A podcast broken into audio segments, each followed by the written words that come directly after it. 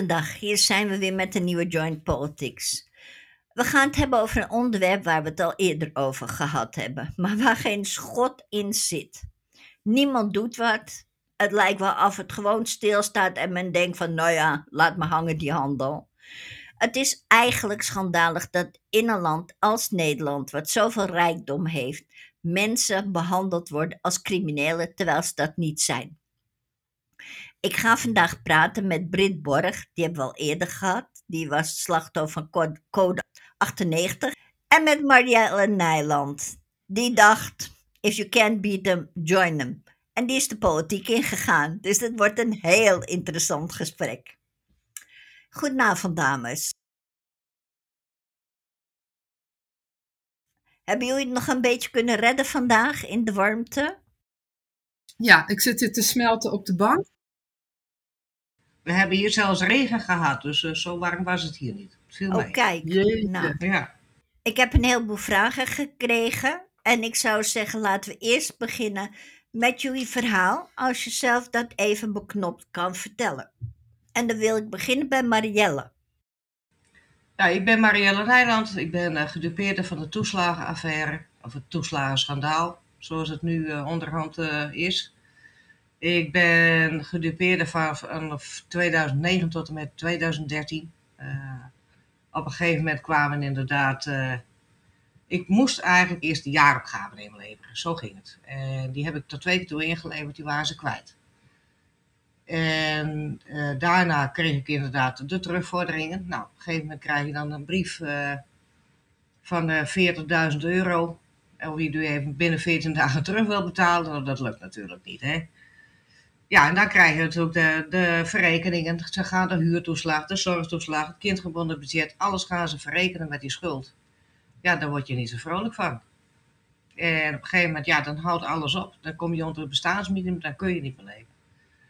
En nou ja, goed, ik uh, ben in ieder, geval uh, wel gecompenseerd in uh, mei vorig jaar heb ik de eerste compensatie gehad. Maar ja, goed, dat is je eigen geld terugkrijgen. Alles wat je, waar je recht op had, dat, uh, je hebt alles terugbetaald.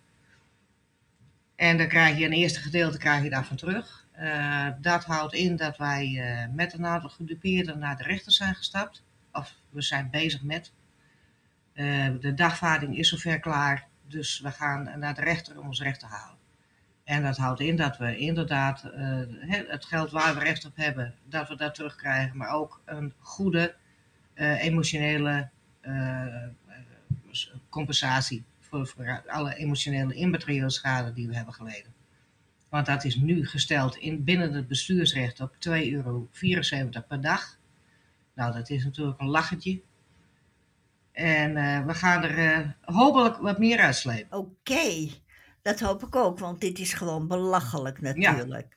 Dit is echt uh, niet normaal. Hun maken de fout en jullie moeten het betalen. Ja, wij moeten betalen, maar hè, ook de, de wachttijden zijn nu zo ver opgelopen dat een integrale behandeling of een integrale beoordeling pas in 2026 klaar is voor als je je in uh, nou, 2021 hebt aangemeld. Nou, dat is natuurlijk van de sotte dat je er vijf jaar op moet wachten. Ja, en hoeveel mensen zullen er dan nog zijn? Want ik neem aan. Nou ja, dat, dat denk ik dus ook. Hè. Ik denk dat dit, uh, het is niet alleen politieke onwil, maar er is nu wordt er een ontmoedigingsbeleid opgetuigd. Uh, in de hoop dat we ophouden. Dat we zeggen van nou jongens, uh, ik wil verder met mijn leven, laat maar. Maar die zijn er genoeg, denk ik hoor. Die zeggen echt zo, is zoiets hebben van ik wil niet meer, ik wil niet meer vechten. En nu is het klaar. Zenuwen zijn stuk en laat maar zitten. Ja, ja, die zijn er genoeg. Dan ga ik over naar Brit. Brit, kan je even jouw verhaal vertellen? Ja, mijn verhaal dat komt in grote lijnen overeen met dat van Marielle. Um, alleen bij mij is het anders begonnen en daarna kreeg ik de, eigenlijk dezelfde problematiek eroverheen. Bij mij begon het met die code 98 en dat is uh, de ongedocumenteerde code die in het GBA staat. Als jij een huisgenoot hebt die tijdelijk geen verblijfsvergunning heeft. Nou, in, 2000, uh, eh, in 2001 kwam er een uh, klein Amerikaans jongetje bij mij wonen. En daar heb ik uh, verblijfsvergunning voor aangevraagd. En om een kleinigheidje heb ik, is die verblijfsvergunning niet afgegeven. En wat er toen gebeurde, dat, ja, dat kun je gewoon allemaal niet voorstellen. Maar toen, het, het, het, als ik het samenvat, hebben we daarna vijf jaar lang 500 euro tekort gehad aan inkomen. Want als jij code Per 98 hebt, ja, als jij code 98 hebt, dan hebben ze in eh, 1998 de koppelingswet gemaakt. En dat betekent, eh, daar, is, daar is in eh, geregeld ook dat ehm, bij code 98 eh, wordt de uitkering eh, stopgezet. Dus het deel uitkering voor dat kind eh, kwam niet meer binnen. Maar eh, ook de huurtoeslag wordt dan ingehouden. Dus alles bij elkaar ehm, leef je dan ja, een ontiegelijke armoede. En dan krijg je allemaal die feestende incassobureaus aan je deur. Ja, En eh, ja, die dat dik dan- verdienen eraan. ja, uiteindelijk werd het meer dan een ton eh, wat we aan schulden hadden. En bij ons is het dan, eh, behalve de Belastingdienst, had ik ook de IND. Dus ik had zowel bedreiging met uitzetting van het kind. We hadden bedreiging met uitzetting van zijn vader. Dat, dat is een ander verhaal. Dat is een beetje te complex om helemaal te vertellen. Kan men En, terugluisteren op deel 1? Ja. en, eh, en, ja, en dan dreigende huisuitzetting en dreigende elek- elektra, weet je wel, afsluiten. En je kunt het niet opnoemen. Je hebt eigenlijk geen leven meer. Je, je kunt nergens heen en je hebt geen leven meer. Dat is eigenlijk de samenvatting. Als je code 98 hebt en dan de administratieve go- chaos bij de Belastingdienst, eh, de onwil bij allerlei mensen, bij de gemeente, bij de IND, bij de Belastingdienst. Er zitten natuurlijk mensen bij die prima hun werk doen, maar ik heb gemerkt met code 98, als je te maken hebt met die immigratieproblematiek, dan loop je toch ook tegen hele nare mensen aan, die toch wel eh, eh, de controleur gaan uithangen. Hè, dat, en dat, dat zien we ook bij de kinderopvangtoeslagouders dan in 2013. Dat er dan dingen gebeuren die gewoon niet acceptabel zijn. Die dan gepakt worden op nationaliteit, op naam. Op, en dat, is, dat gebeurt met die code 98 ook. Alleen veel verstopter. Ik, ik, ik zie nergens nog een groep code 98 eh, mensen eh, bij elkaar in het nieuws komen. Maar in feite gebeurt daar hetzelfde. Toen, die code bij ons in het systeem stond, werden we echt eh, niet netjes behandeld door een aantal mensen bij de, bij de burgerlijke stand. We kregen de vreemdelingenpolitie aan de deur. Eh, weet je wel, die, die, die kwamen vragen of ik een illegaal kind eh huisvestte. Er gebeuren dingen die je niet voor kan stellen als je hier nooit mee te maken hebt gehad. En dat is ook een groot probleem. Ja, doordat mensen het zich niet voor kunnen stellen, kan het ook zo lang duren allemaal. En krijg je zo moeilijk verweer. Krijg je zo moeilijk opgelost. Mensen geloven niet dat dit in Nederland gebeurt. Het lijkt me ook heel erg dat je altijd mensen zal hebben die zeggen waar rook is. Ja, Oh, ja. er komt iets om je heen te hangen. Ik weet niet, het zal wel jou ook wel kennen. Er komt iets om je Ja. heen te hangen wat ondefinieerbaar is. En eh, ja, dat zit heel dicht tegen het woordje fraudeur aan. En op een gegeven moment heb je het woord fraudeur aan je hangen. Weet je, in 2007 noemde een belastingambtenaar mij gewoon fraudeur. En dan hebben we het al over 15 jaar geleden. En je weet niet wat dat allemaal betekend heeft achter je rug. Hè? Dat weet je gewoon niet. Ik eh, heb gehoord, een, een, een ambtenaar van de gemeente hier, die heeft in diezelfde tijd mijn bewindvoerder opgebeld en gezegd van ja, die mevrouw Borges, die moet je niet helpen, want die maakt zoveel schulden, dat, dat, dat, die hoef je niet te helpen. Dus je weet niet hoe dat geouwe hoer achter je rug op, op, op, in kantoren en op bureaus, de, eh, waar je je niet tegen kan verweren, omdat je niet eens weet. Maar ja, en in 2013 kreeg ik het fraudevinkje, kwam dat eroverheen. Dus eh, En krijg dat maar eens weg. Hebben jullie ook Ja. het idee dat het een vorm van intimidatie is? Vind ik wel, vind ik wel. En ik zou eigenlijk wel iets willen vertellen, maar ik weet niet of daar nu ruimte voor is dat ik dat nu doe. Ehm, ik zou iets willen vertellen over die koppelingswet, omdat ik heel erg het gevoel heb dat dat de aanloop is naar wat er daarna ook bij de kinderopvangtoeslag is gebeurd. Dat is mijn indruk. K- kan ik dat nu even vertellen? Dan ga je gang. Als het te lang wordt, breek Ja? ik het af. Ja, wou ik maar zeggen. dat wou ik maar zeggen. Precies, en anders knippen we het eruit en dan eh, maken we een aparte podcast er gewoon van. Ja. Nee, die, die koppelingswet die is in 1998 dan gemaakt.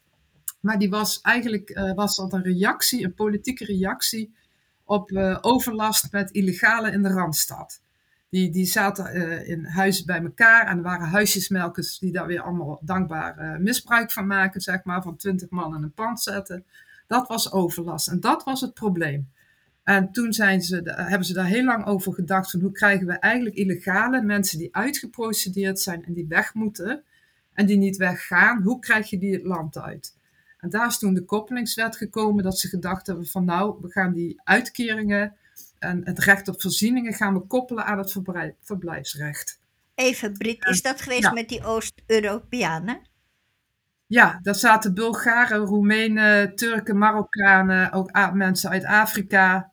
Ja, maar ook Oost-Europeanen. Ja, in de Randstad, Amsterdam, Rotterdam hadden, en Utrecht hadden overlast.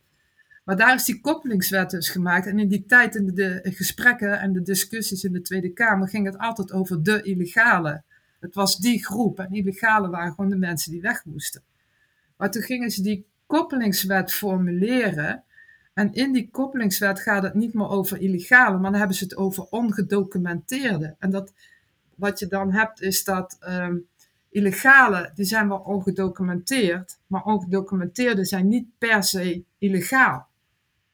Als het een dat zijn mensen die bijvoorbeeld heel hun leven hier gewerkt hebben en belasting betaald hebben. Ja, en die, en die tijdelijk even iets, iets hebben en dan even ongedocumenteerd zijn. Iedereen in Nederland, als jij verblijfs uh, aanvraagt en je moet documenten inleveren of verlengen, er kan altijd iets gebeuren dat je even ongedocumenteerd bent. Dat kan. En dan komt die code 98. Maar wat, wat er voor mijn gevoel gebeurd is, is dat er eigenlijk heel veel frustratie en agressie achter die code, achter die uh, koppelingswet zit. En die wordt dan eigenlijk toegepast op een enorme bevolking, op alle immigranten, dus ook alle nieuwkomers die naar Nederland komen. En dan komen wij in 2000. Ja, dat. En dan komen wij in 2000 met een klein jongetje aan en wij krijgen eigenlijk enorme klappen over ons hoofd die in mijn idee alleen bedoeld waren voor die groep die ze het land niet uitkregen. Dat, uh, dat vind ik geniepig hier aan. Dat, dat, uh, weet je, de, uh, Jasper van Dijk van de SP heeft daar in april Kamervragen over gesteld, over code 98, naar aanleiding van het programma Pointer. En dan komen de antwoorden terug van staatssecretaris Aukje de Vries. En dan ondersteunt zij het code 98-beleid zoals het nu is helemaal. Helemaal geen vraag, het wordt helemaal gesteund. Hartstikke goed joh, dat je bij Nederlanders uh, recht op voorzieningen weghaalt. En ze uh, ontkent ook dat dat, dat zo'n enorme problemen geeft. Ze zegt dan van ja, nee, als die code fout staat of er is iets mee, dan kun je even bellen en binnen drie dagen staat die goed. Nou, dat is niet zo. Voordat jij als immigrant erachter bent dat er een code in het systeem staat en dat er iets is, ben je maanden verder. En voor het hersteld wordt, je, je, je krijgt die schulden die dan eenmaal in de, bij de incassobureaus zitten, krijg je niet terug. Dus het, wordt gebracht als uh, niet zo'n groot probleem. En ook als rechtvaardig. Van ja, wij mogen uh, recht op voorzieningen mogen wij gewoon afpakken. Want uh, we hebben dus nodig voor de immigratiestroom te regelen. Terwijl ik dan denk, nee, je had ook andere maatregelen kunnen bedenken. Weet je, het hoeft niet op deze manier. Maar goed, dat is mijn... Ja, maar dit is makkelijk en het werkt populisten in de hand. Dat is het helemaal. Het is, het, ik vind het heel gemeen. Het is een beetje wat je met de Apel nu ziet. Van dat uh, keer op keer worden de asielcentra worden gesloten of worden bedden uh, weer opgeruimd. Wat wordt er gezegd? Ja, nee, de toestroom is minder. En dan is dat geweldig. Dan wordt dat gebracht als van, nou kijk, kijk wij dat vreemdelingenbeleid eens even goed uitvoeren, weet je wel. We hebben minder uh, vluchtelingen en asielzoekers die naar Nederland komen. En dan staat dat uh, met letters, grote letters in de krant. Terwijl iedereen weet dat drie maanden later komt er weer een nieuwe stroom en zijn die bedden weer nodig. Dat weten ze allemaal, dat is geen enkel probleem. Maar dan krijg je nu toch dat hetse gedoe tegen, oh, ter Apel, de mensen slapen op bedden, wat erg, we moeten toch weer meer bedden. Dat is niet zo. We hoeven niet meer bedden, ze hebben gewoon te veel bedden weggehaald. Nou, jij noemt even bedden. Ik ga nu even over naar Marielle weer.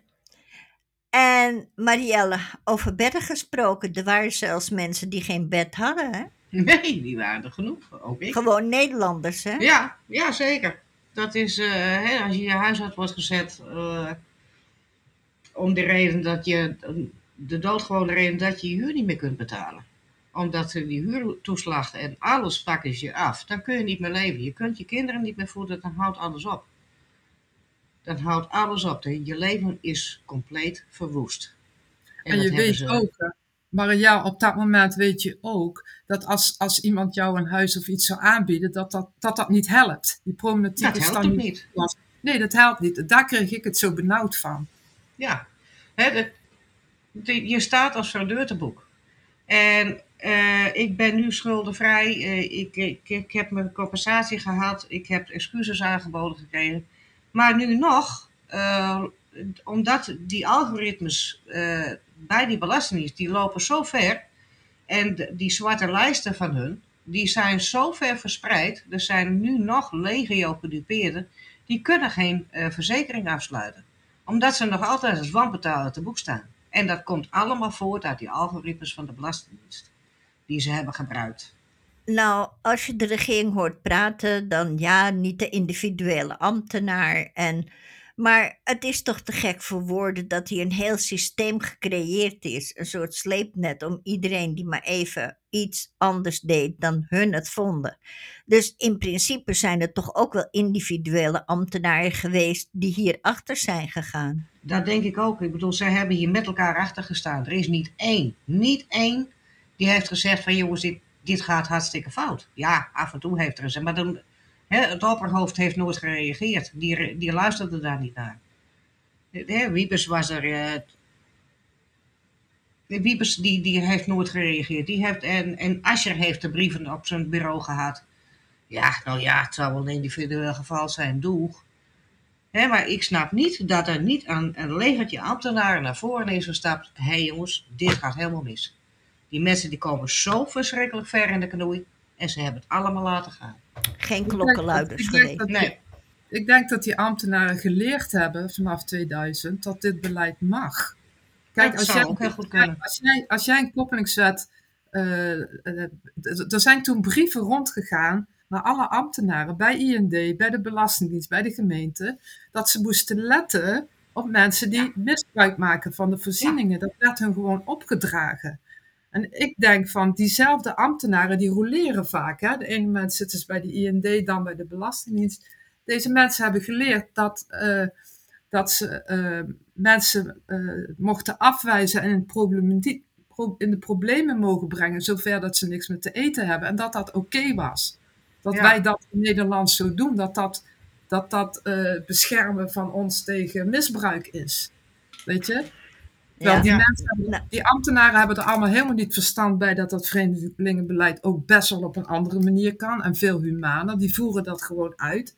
Maar die hebben geleerd dat vreedheid dat dat acceptabel is. Ik denk echt dat daar een, een van de oorzaken ligt dat je dan daarna bij, bij de Belastingdienst, bij de kinderopvangtoeslag, allemaal eh, ziet dat mensen gepakt worden op, op, op, op hun naam en op hun eh, achternaam en uiterlijk. Dat, dat mocht Ja. in Ja. 2000, is dat, Dat dus. dat is Ja. aangezet. Het is eigenlijk teruggegrepen op de geschiedenis. Voor 1940 hadden bijvoorbeeld Joodse mensen hadden een J in hun paspoort staan van Jood. En het was dus verdomd makkelijk voor de bezetter om erachter te komen wie wat was en om dat, die mensen af te voeren. Nu, met deze codes die ze erachter zetten, heb je eigenlijk in principe wel een klein beetje hetzelfde systeem.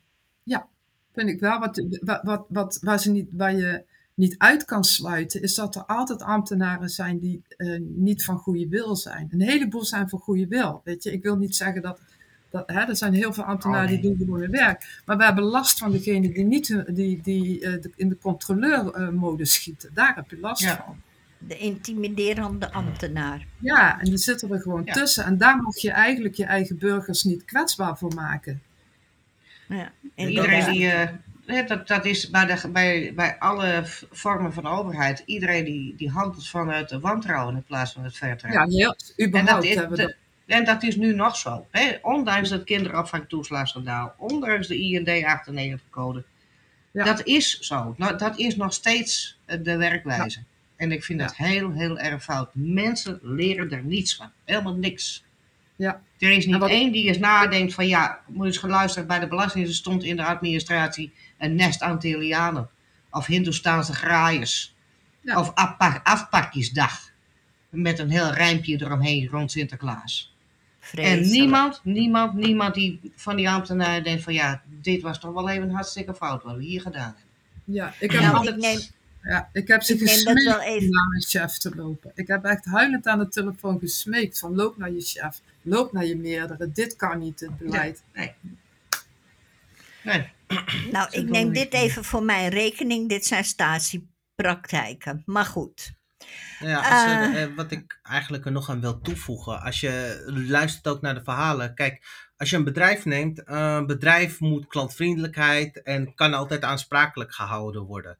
En eh, wat ik eh, door de tijd heen heb gemist, is dat er eigenlijk een stuk van aansprakelijkheid ook is richting de, eh, de belasting toe, richting een andere organisatie binnen de overheid toe, waar er toezicht en aansprakelijkheid gewoon aanwezigheid. Om een, voor- een voorbeeld te noemen van, ja, energiebedrijven werken ook met incasso en dergelijke en naheffingen en dergelijke.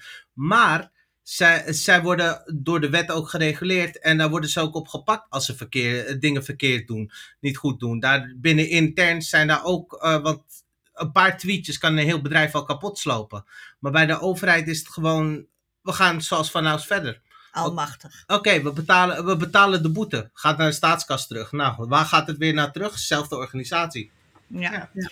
En ambtenaren, Eh, zijn, ambtenaren zijn gehouden om de mensenrechten uit te voeren. Hè? Dat, dat, In principe wel. Ja, mensenrechten uitvoeren. het zou Ze wel zo moeten zijn. Staatsbelang laten ze voorgaan. Staatsbelang gaat voor. Nou heb ik een aantal vragen gekregen van mensen. En we dachten jullie als we daar nu mee beginnen. Is prima. Brit ook aan boord? Ja, zeker. Oh, oké. ik zag je kijken. Ik denk, Nee, ik, was, ik was gewoon aan het kijken wat jullie aan het doen waren. oké. Ik heb hier een vraag van Ryan Jesseroen. Persoonlijke vraag voor je gasten met betrekking tot het toeslagenschandaal. Geloofde zij, voordat de hele ellende in 2010 begon, in het bestaan van institutioneel racisme? Dat mensen bijvoorbeeld op de arbeidsmarkt of via woningen gediscrimineerd werden? Hoe kijken jullie twaalf jaar later naar de term institutioneel racisme? Op welke manier heeft het voor jullie de ogen geopend? En hoe proberen jullie als ervaringsdeskundigen nu bestuurders erop te wijzen wat ze nu anders moeten doen? Ik begin bij Marielle, want die zit waar het vuur is. Die is zelf de politiek ingegaan. Eh, ja, institutioneel racisme. Eh, ik heb er natuurlijk zelf eh, niet mee te maken gehad. Ik ben niet eruit gewipt, uit, uit de systemen gewipt door mijn achternaam of mijn afkomst of wat dan ook. Maar ik vind het heel, heel eng dat eh, op een gegeven moment zo'n dienst die algoritmes heeft. Dat je er inderdaad uitgepikt wordt aan die Hindoestaan bent of, als, of eh, naar aanleiding van je postcode of hoeveel kinderen of je hebt. Want daar gingen de algoritmes ook op. En dat is natuurlijk hartstikke, hartstikke fout. Dat je mensen. Maar dat is nogmaals, het begint met één ding. Dat is weer vertrouwen krijgen in je burger en niet handelen van het wantrouwen. Want dat is wat er gebeurd Ja. is. Wat, wat voor naam je er ook aan hangt, discriminatie, eh, institutioneel racisme, het begint bij het wantrouwen in de medemens. En dat is zo fout. En dat pro- probeer ik dus ook. Ik heb in Hollandse Zaken heb ik meegedaan met mijn eigen wethouder. Eh, toen heb ik inderdaad ook voor, voor nationale televisie gezegd: jullie moeten nu, ook als lokale overheid, zorgen dat je weer het vertrouwen krijgt bij de mensen. En dat krijg je door het hanteren van de menselijke maat. Exact. En, en niet anders. Ja. Brit, heb jij nog wat aan toe te voegen? Want jij hebt wel meegemaakt dat institutionele racisme. Ja, 100 procent. En dat is natuurlijk als je met vreemdelingenbeleid te maken hebt, dat, dat, dat, dat is eh, vertrouwen van hier, eh, van hier tot Tokio natuurlijk. Ik, ik zie niet hoe je vreemdelingenbeleid en vertrouwen dat. eh, nou goed, dat is het probleem van de IMD verder. Maar eh, ja, eh, dat- tot mijn grote schrik zijn wij daar toen tegen aangelopen. En ik wist niet dat het in Nederland mogelijk was. Laat ik zo zeggen, ik heb in een woongroep gewoond in de jaren 70. Daar woonden, daar woonden we met een Molukse jongen. En dat wist ik wel altijd dat hij de naam van een Nederlandse vriendin gebruikte als hij ging solliciteren. Met zijn eigen achternaam kreeg hij zijn werk niet. Dus dat, dat wist ik wel. Maar ik had nooit gedacht dat ik als Nederlander mijn voorzieningen, mijn recht op voorzieningen kon kwijtraken als ik een immigrantje in huis heb. donderop zeg. Dat zijn toch mijn rechten? Ik ben Nederlander. Hoe, hoe, hoe? En ja, en dan zie je dat rechters, die belonen dat beleid van de, van dat koppelings, uh, van de koppelingswet. En internationaal zie je dat het Europese Hof van de Rechten van de Mens, die steunt dat ook. Want er wordt gezegd, ja, uh, het, het, uh, dat is vreemdelingenbeleid en dat heeft de Nederlandse staat nodig en dan mag dat. Dan gaat de staat voor op mijn belangen. Maar ik, ik heb zoiets van, ja, kunnen jullie met z'n allen kijken naar wetgeving en uitvoering, dat voor mij Nederlander, mijn, dat ik nog kan eten als er iets is. Ik, ik, ik, ik kan het niet rijmen. Ik kan het niet rijmen dat dit toegestaan is en dat dit mag. Ik kan het niet begrijpen. Ik kan er niet bij. Ik snap dat.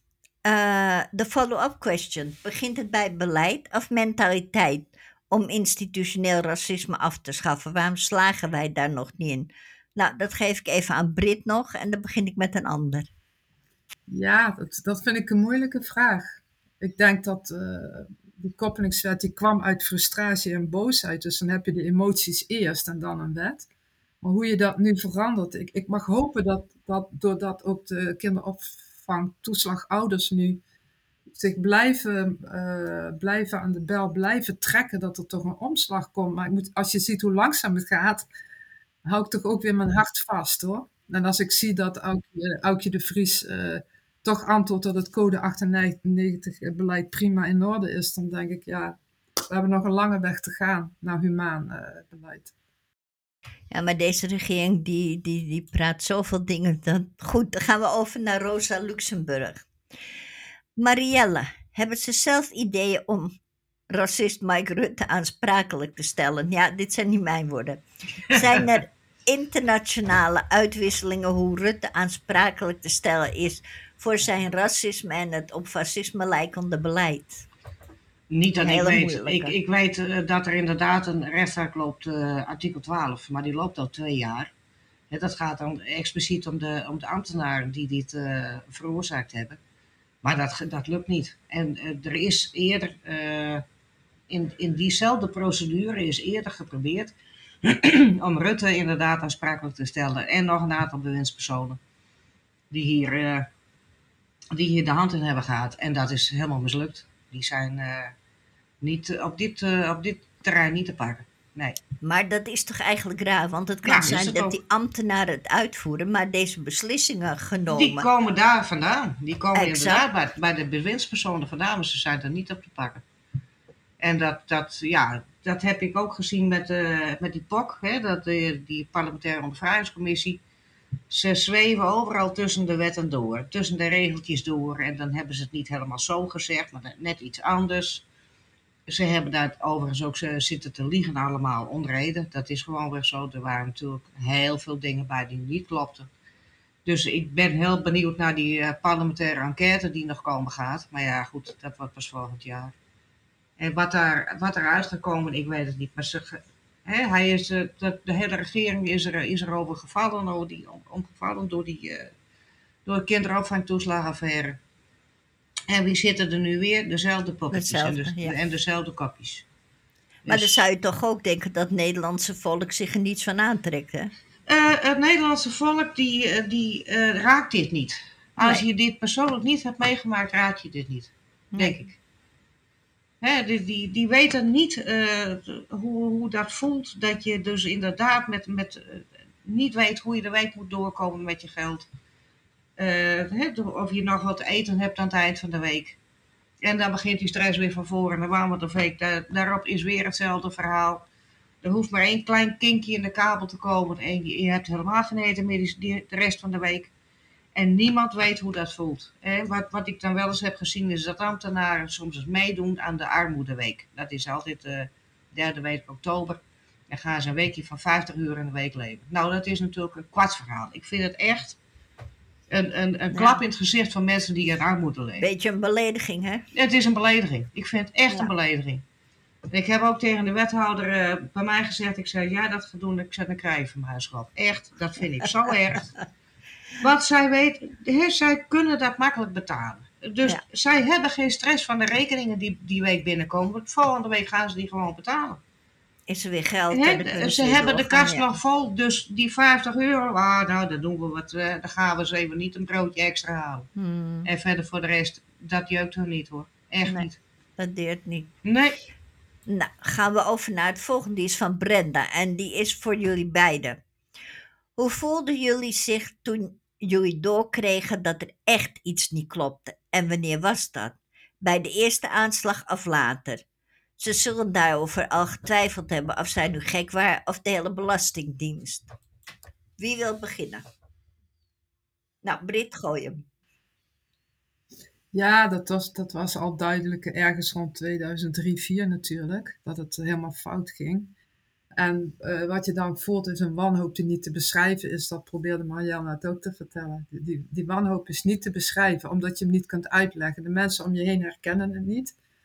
En er wordt gedacht van, nou, je gaat maar naar schuldhulp. En ik heb ook het idee dat politici, maar ook rechters, op de een of andere manier het rare idee hebben van, nou, voor burgers is er altijd wel een vangnet. Weet je wel zo. Maar dat is er helemaal niet. Weet je? En dat, eh, ja, dat, dat staat mij nog het meeste bij, die ontiegelijke paniek dat je geen kant op kan. En er was geen enkele advocaat die mij wil, hel- wil helpen, want die code 98 beleid, dat is wet. En eh, er zijn advocaten voor naar het Europese Hof geweest, maar het is wet, dus zoek het maar uit. En dan wordt er tegen mij gezegd van, eh, dat, mag dus allemaal met jou gebeuren. En wij zijn in de WZP geweest, maar je kunt niet vijf keer bij de rechter aankomen, mag ik weer in de WZP. Dat bestaat helemaal niet. Snap je? Dus eh, eigenlijk word je gewoon geofferd als Nederlander. Ik in mijn geval. Als ik zeg Nederlander bedoel ik ook ehm, gemengde statusgezinnen. Hè? Mensen die Nederland binnen zijn gekomen, die vallen onder datzelfde beleid, die, die eh, status verkregen hebben. Maar ik praat even voor mezelf, dus ik heb het eh, mij als Nederlander. Maar mm, ja, dat, dat is dus twintig jaar geleden dat ik erachter kwam en er is geen moer veranderd. Je valt in een gat. Marielle, hoe heb jij dat ervaren? Ja, bij mij ook. Het, eh, het is inderdaad die paniek. Eh, toen heb ik, eh, ik moest die, die, die moest ik inleveren. Op een gegeven moment weer een brief dat het, weer niet dat het niet aangekomen was. Dat ik dus niet had voldaan aan mijn informatieplicht. Toen heb ik gebeld met een, met een meneer uit Heerlen van de toeslagen. En die zei tegen mij, ik zei, waar is dat in, in vredesnaam nu gebleven? Nou, hij zei, mevrouw, dat is op de grote bult beland. Wat, kan ik, wat moet ik met zo'n antwoord? Niks. En maar de, inderdaad, wat, wat Britt ook zegt, die rechtbescherming, die was er niet. Ik heb ook gezocht naar een advocaat van, en dan gaan we er eens even fel met gestrekt been in. Nou, dat kon ik vergeten. Want het is de overheid, mevrouw Nijland. Dus u zoekt het maar uit. Want Maar daar gaan wij niet aan beginnen. Ja, dat is Ja, onaantastbaar. Ja, Ja, dat is maar dat is, dat is eh, onvoorstelbaar. Dat ik neem aan dat jullie je ook heel machteloos voelen. Hè? Ja, je bent totaal machteloos, je kunt niks. Nee, en je wordt En- afhankelijk gemaakt van mensen om je heen. Dat is ook Ja. zo lekker. Dat is heel ja, lekker. dat, dat is afschuwelijk. Dat Heel je, dat je afhankelijk bent van de, van de, van de, van de goodwill van een ander. Ja. Oké, dan gaan we over naar David Michels. Michels. Wat heeft het incident gedaan met jullie zelfbeeld, het beeld van de samenleving en het beeld van de politiek? Waar leggen jullie de schuld? Persoon of instantie hebben we al een klein beetje aangeschaafd net. Is het misschien een politieke ideologie? Hoe kijken jullie naar de toekomst en wat geeft jullie hoop? Nou, het eerste maar. Wat heeft het incident gedaan met jullie zelfbeeld? Het beeld van de samenleving en het beeld van de politiek. Marielle. Nou ja, is, het beeld van de politiek is natuurlijk eh, om te huilen. Hè? Laten we dat maar even eh, voorop stellen. En daarom ben ik eh, ook de politiek ingedaan. Misschien dat ik ooit nog eens wat kan veranderen. En dat, eh, ik ben wel eh, heel positief ingesteld. Maar ja, op, dat moment dat het gebeurt ben je machteloos. Je, de wanhoop is enorm.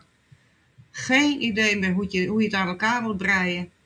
En eh, er is ook geen eind in zicht. Hè? Het is ook niet zo van dit duurt nog even, een, paar maanden, om mijn part een half jaar en dan ben ik eraf. Nee, dit heeft jaren geduurd zonder dat er wat gebeurde. Zonder dat ook maar iemand ons hielp en zei, nou is die hier eens afgelopen, we gaan er nou eens even voor. Hè, er was geen advocaat voor me. Helemaal niemand. Schuldhulpverlening kon ik ook niet in. Hè, want eh, ik was fraudeur. Nou, dan kom je... Je hebt dat fraudevinkje achter je naam waar je niet, van, niet vanaf komt. Dus ja, zeg het maar. Brit, jij, wij kennen elkaar al een aantal jaartjes. En uh, wij hebben ook wel dingetjes samen gedaan, een klein beetje. Nou ja, ik liep achter jou aan en ik uh, deed wat jij me opdroeg. Oh, dat Maar- weet ik niet. Nou ja, zoals met, jij hebt het meegemaakt met Mauro's vrienden en zo. Oh ja, ja, ja. Toen was het al zo dat je kon zien dat de politiek eigenlijk niet, eh, niet veel deed. Maar viel dat niet heel hard op je dak toen dat het bij jou terecht kwam? Ja, maar het was eigenlijk omgekeerd dan, eh Anaïs. Want eerst was het bij mij, in 2002, 3, 4, die periode.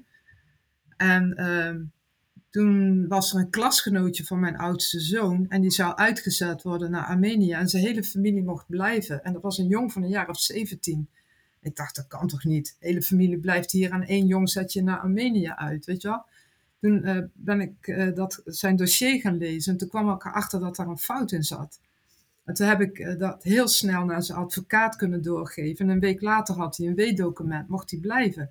En toen dacht ik wel, verrek, ik kan als burger gewoon eh, foutjes vinden die zo... Ik had inmiddels geleerd hoe, hoe dingen in beleid jouw compleet eh, leven op, eh, op, op zijn kop kunnen zetten. En dat zag ik bij die jongen en die familie ook. Weet je, een klein ding, een klein detail in een dossier of wat dan ook. En hun hele leven hangt er vanaf. Toen, vlak daarna, zag ik een stuk in de krant over Mauro. Want die woonde hier in de buurt. En toen las ik dat en toen dacht ik ook, yo, dat gaat helemaal mis. Die, die, die gaat uitgezet worden, dit is helemaal niet goed. En omdat ik al, eh, ja goed, ik, ik heb hem toen eh, aangemeld bij een advocatenkantoor. Dat is dan allemaal goed opgepakt. Er zijn allemaal die acties begonnen. Dat is allemaal goed gaan lopen. Heel veel, heel veel eh, hoe heet het, iets van eh 120.000 handtekeningen onder een petitie. Dus eh, ja, er is toen heel veel gebeurd. Maar dan heb je ook weer gezien dat door burgeractie, doordat heel veel mensen het niet pikten, heeft hij uiteindelijk toch verblijf gekregen. Nou ja, toen hebben wij dus Maurus Vrienden opgericht, Arno, Arno Jan Boeren en ik. En we zijn dat werk blijven doen. We zijn gewoon dossiers blijven lezen. En vooral van de gewortelde kinderen. Om te kijken van, eh, ja, waarom wordt die uitgezet? En, en, en zit er misschien ergens een foutje of iets wat we kunnen vinden, waardoor ze toch verblijf kunnen hebben? En dat is best wel een paar keer gebeurd. Gelukt, moet ik zeggen. Goed. Ja, Het tweede gedeelte van de vraag was: hebben jullie hoop voor de toekomst? Hoe zien jullie die in? Denken jullie dat er verbetering komt? Of zeg je van. Nou, Wat, wat betreft eh, hè, de, de advocaten en, en de rechters, die hebben natuurlijk een behoorlijke tik op de vingers gehad. Van, de, van de Raad van State en dergelijke. Dus ja, die zien ook wel in dat, dat ze oordelen hebben geveld op, op niet complete dossiers van de Belastingdienst. Omdat de Belastingdienst gewoon echt eh, met opzet de boel achterhield. Terwijl die stukken er wel waren. Eh, je ziet nu dat eh, rechters toch wat meer gaan, gaan toewijzen. Dat, dat, je ziet het ook met de uithuisplaatsingen, dat ze daar ook veel meer op gaan letten van hey, is dit allemaal wel goed gegaan? En gemeentes die worden nu ook wakker zo van, eh, ja, dat is uiteindelijk bij de gemeente nu over de schutting gegooid, hè, die, de, de, de hele jeugdzorg. Maar die kunnen dat ook niet aan. Dus ja, dat, ik heb toch wel eh, het idee dat er wel wat gaat verbeteren. Maar het heeft nog een hele lange weg te gaan. Dat wel. Het is eigenlijk grappig, nou niet grappig, maar men noemt jullie fraudeurs, maar de werkelijke fraudeurs zijn zij eigenlijk. Want zij doen iets wat Ja, Maar dat niet vind ik. Zij maken. Ja, zij, zij creëren een beeldvorming waar wij de dupe van zijn. Ja. Ja. Dan gaan we over naar Ab Buizen. Ik kan nog heel even, iets, ik wou nog heel even zeggen van eh, eh, jouw vraag net. Ehm, ik had hoop gekregen van dat het zou verbeteren, omdat in 2021 januari heeft om zich een motie ingediend dat ehm, beleid en, en maatregelen onderzocht zouden worden op hardvochtigheid. En toen kreeg ik wel een beetje hoop. En vorig jaar kreeg ik ook een brief van Rutte, ehm, waarin die zei van, eh, dat ook mijn dossier en alles opnieuw bekeken zou worden. Ook op hardvochtigheid en dat er lessen geleerd zouden worden. Dus ik had best wel hoop gekregen van, nou, wordt geleerd, ook op dat code 98. ja, op dat vreemdelingenrechtgebied, weet je wel zo. Maar door die Kamervragen die uh, vorige week uh, terugkwamen van uh, staatssecretaris Aukje de Vries, is al mijn hoop is weer helemaal de grond in geboord. Dat beleid gaat gewoon verder. Er is helemaal niks aangepast. Er is niks humaner of menselijker, helemaal totaal niet. Het is weer meer van hetzelfde. En ik moet zeggen dat ik daar enorm van geschrokken ben. Ik bedoel, ja. Goed, dan ga ik verder met Abbuizen nu. Hoe kijken jullie aan tegen het feit dat lang voor het in de openbaar kwam er bij de belasting al een klokkenluider was die uiteindelijk ook intern monddood is gemaakt en pas na zijn pensionering zijn verhaal naar buiten durfde te brengen? Nou, Brit, begin jij ja, maar. Dat verbaast me helemaal niks. Ik weet van 2007 gingen er verhalen rond dat bij, binnen de IND iedereen die een beetje zachtaardig en vriendelijk was, werd ontslagen. Hetzelfde verhaal ging in die tijd ook rond over de gemeente hier. Dus ja, ik heb zoveel ambtenaren bij de gemeente eh, of bij de Belastingdienst gevraagd van uh, help mij. En dan was het antwoord, ja mevrouw, dat kunnen we niet. Uh, dat, dat gaat allemaal niet. Het was altijd nee, kan niet. Ja. ja. En Marielle, hoe nou ja, ik, ik ken dit verhaal inderdaad, het gaat op Pierre Niesen. Maar wat ik inderdaad ook weet, dat uh, mensen aan de belastingtelefoon, als je die belde, die, dan kreeg je ook direct nul op het request. Die hadden dus ook de opdracht gekregen van Hogerhand. Van uh, geef ze geen informatie, boeien ze af, want het zijn allemaal fraudeurs. Dat is wat er gezegd is. En ja, ik, ik snap het nog niet hoor, dat je je zo, uh, ja, ja, hoe moet ik dat zeggen, dat je je zo laat behandelen als je daar werkt. Maar goed, het is, maar dat is er wel, dat is, was de tendens. En iedereen die wist van het racisme daar, tot de koffiejuffrouw, tot de schoonmaker en toe, dat het helemaal fout zat. Ja. En, en er is niks mee gedaan. Weet je wat ik zo raar vind? Dat er in principe weinig mensen in opstand komen. Ja, dat vind ik ook heel gek. Dat, er niet één is die zegt van, ja, nou, uh, dit neus maar niet meer en nou gaan we eens even nou om de tafel zitten met elkaar. Ja dat, dat gebeurt toch bij, ja, nogmaals, dat gebeurt in het bedrijfsleven wel. Dan hoef je dit niet te vlekken. Mm, nee, nee, dan word je op afgerekend. Dan word je op afgerekend. En daar niet. Die, uh, dan word je de hand boven het hoofd gehouden en je bent een, een, een goede peer als je dat doet. Uh, Brit, hoe, hoe is het nu gesteld? Uh, is er ook nog wel een vorm van intimidatie af en toe? Of zijn ze nu wel wat aardiger geworden? Nou ja, ik, mij is aangeboden dat uh, mijn dossier alles her, herbeoordeeld zou worden. Waarbij ik trouwens moet zeggen dat ik zelf mijn dossier heb aangevraagd in januari 2020 en nog steeds niet heb. Dus wat dat betreft, een, een deel heb ik gewoon exact dezelfde ervaring als de kinderopvangtoeslagouders. En in 2013 kreeg ik dus in die periode ook het fraudevinkje opnieuw. Ik kreeg uh, opzet grove schuld.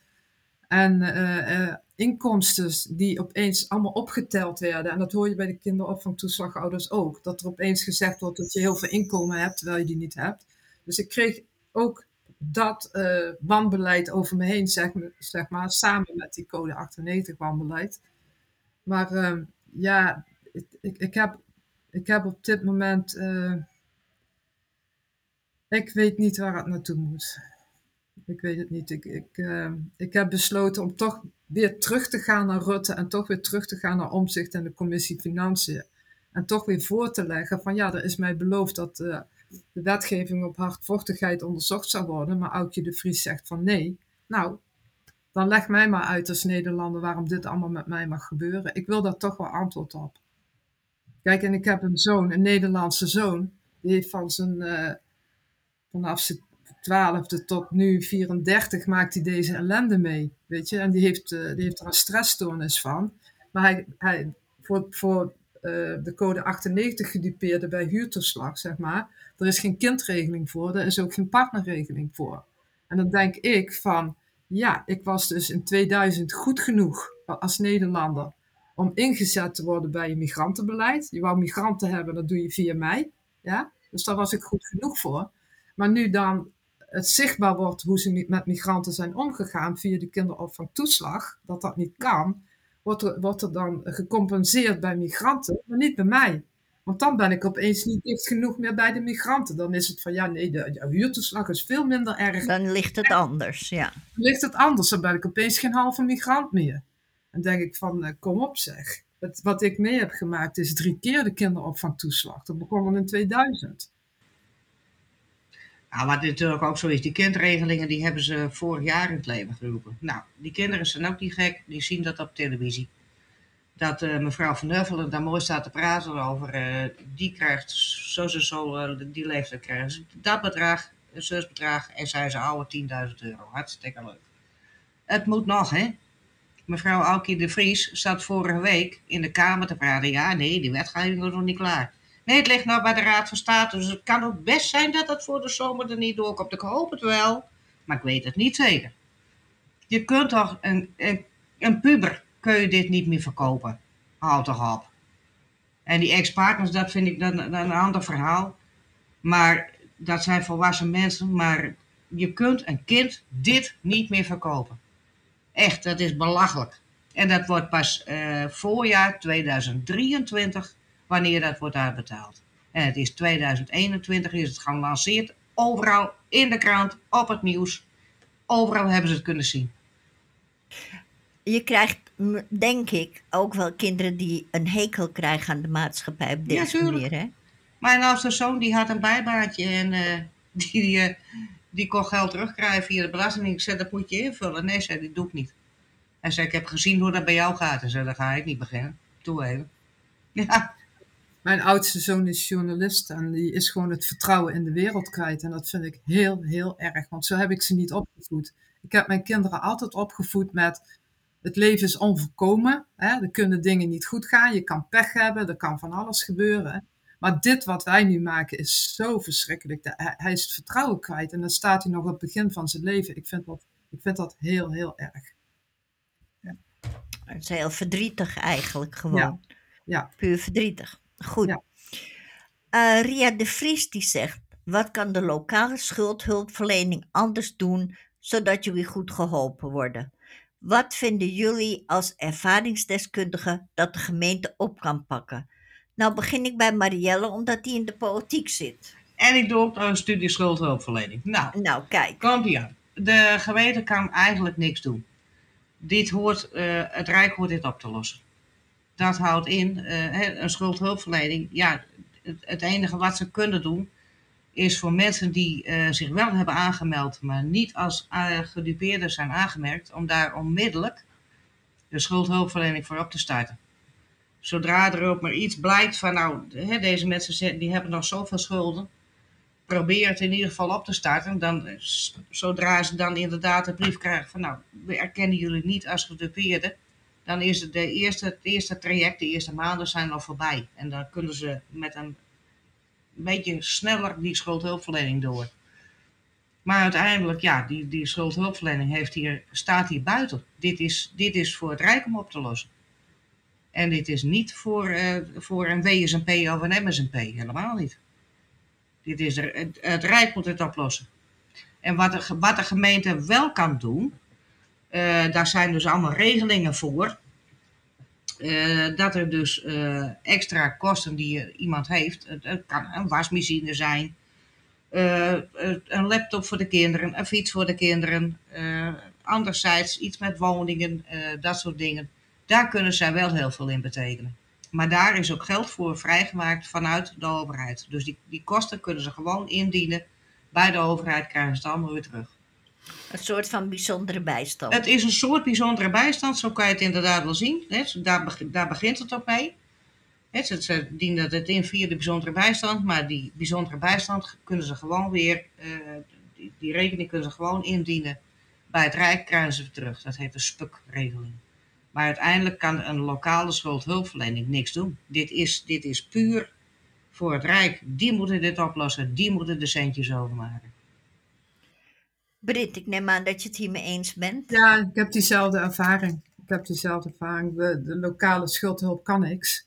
En tegen mij zeggen ze dan ook nog van ja, wij zijn er niet om mensen met IND-procedures. Dat is nog een andere. Dus daar zijn wij niet voor, krijg je dan te horen.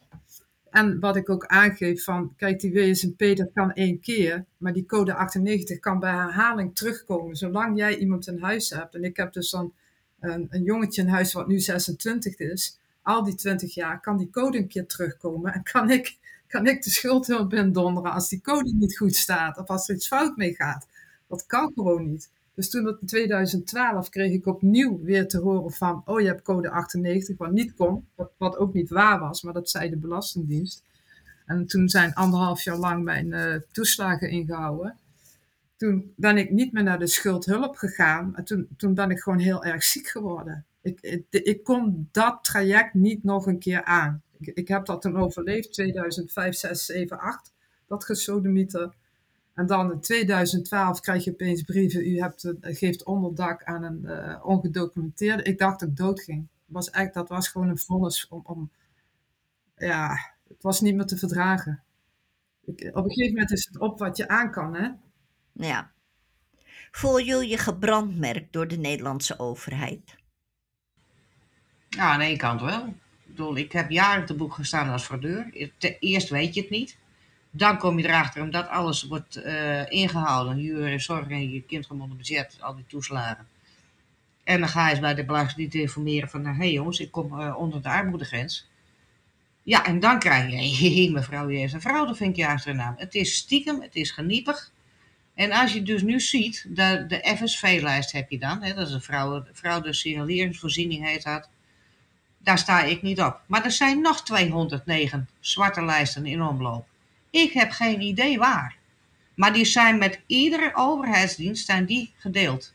Dus ik heb in mijn woede de gemeente hierop gebeld. Ik zei, ik wil weten of ik bij jullie ooit te boek heb gestaan als fraudeur. Nou, dus uh, zij kijken, nee hoor, dat, uh, dat was niet zo. Nou, ik fijn dan. Maar ik heb nu uh, de, een uitgebreid uittreksel uit de BRP gekregen, die persoonregistratie. En daar staat in dat ik vanaf 2013 tot en met oktober 2021 iedere maand mijn gegevens zijn opgevraagd door de politie, marechaussee. Wat? Wat? Ja, vertel Elke maar. maand? Zeg het- Elke maand. Waarvoor? Geen idee.